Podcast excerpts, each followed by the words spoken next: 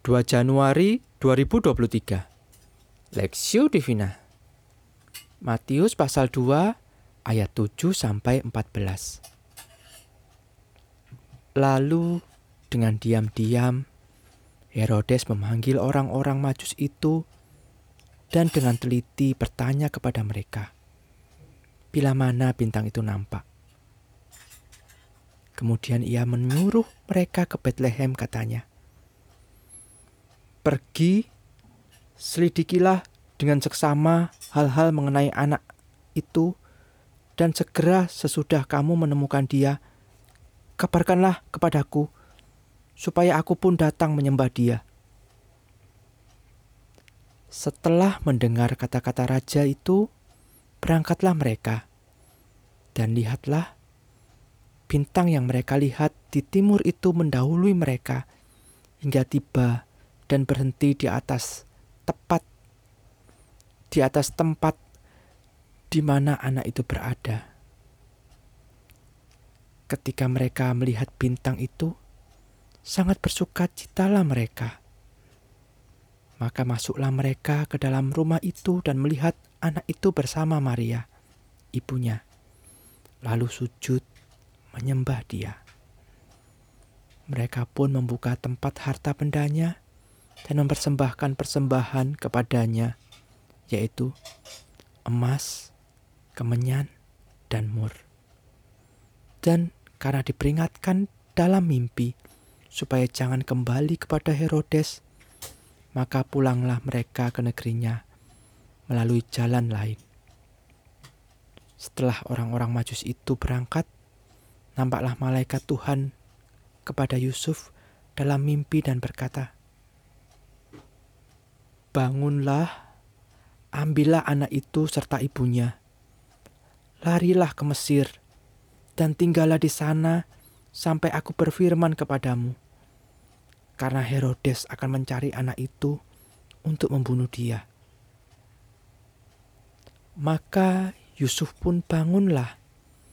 Diambilnya anak itu serta ibunya malam itu juga, lalu menyingkir ke Mesir.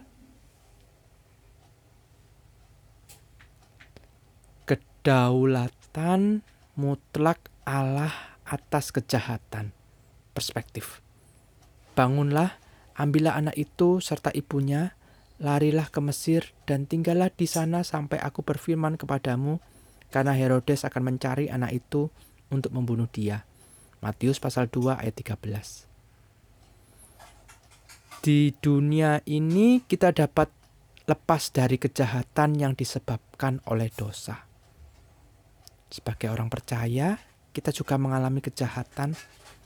Namun, kita percaya kepada Allah yang berdaulat mutlak atas kejahatan di mana ia menetapkan kejahatan menimpa kita dan mengarahkan kejahatan itu sesuai dengan satu tujuannya yang tidak kita pahami sepenuhnya. Hal yang sama dengan kisah Matius pasal 2 ayat 13. Allah Bapa mengutus Allah anak yaitu Tuhan Yesus untuk menebus dosa orang-orang yang telah Bapa pilih. Demi mencapai tujuannya yang agung, Bapa yang mengutus Kristus juga menetapkan dan mengarahkan kejahatan Herodes yang berencana membunuh bayi Yesus sesuai dengan tujuannya dengan menggagalkan rencana jahat Herodes. Bagaimana caranya? Dengan memberikan mimpi kepada Yusuf agar ia membawa Maria, istrinya dan bayi Yesus untuk lari ke Mesir dan tinggal di sana sampai Herodes meninggal. Matius pasal 2 ayat 13.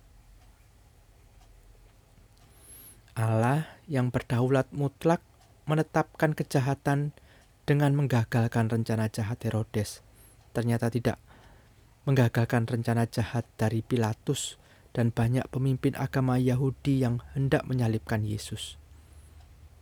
Tetapi justru ia mewujudkan tujuannya dengan menggunakan sarana rencana jahat mereka secara sadar sehingga Yesus disalib dan mati. Kisah pasal 2 ayat 23. Setelah itu, Yesus bangkit mengalahkan kuasa kematian Ini berarti bahwa Allah berdaulat mutlak atas kejahatan, bukan hanya menetapkan kejahatan menimpa orang percaya, tetapi juga memberikan jalan keluar atas kejahatan, dosa, dan kematian melalui kematian dan kebangkitan Yesus. Ini berarti Allah memelihara kehidupan umatnya dari kejahatan bisa dengan cara melepaskan mereka dari kejahatan maupun memberi mereka kekuatan dalam menghadapi kejahatan dengan memandang Kristus yang mati dan bangkit yang yang telah mengalahkan kejahatan, dosa, dan kematian. Ketika kejahatan menyerang kita, pandanglah Allah yang menetapkan kejahatan sesuai dengan tujuannya dan Kristus yang telah mengalahkan kejahatan, dosa, dan kematian melalui kematian dan kebangkitannya studi pribadi, Allah berdaulat mutlak atas kejahatan.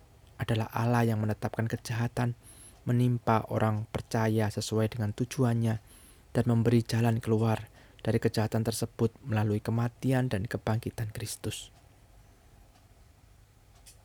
Pokok doa berdoalah agar Allah memampukan kita percaya kepada Dia yang berdaulat dan Kristus yang telah mati dan bangkit ketika kita mengalami kejahatan.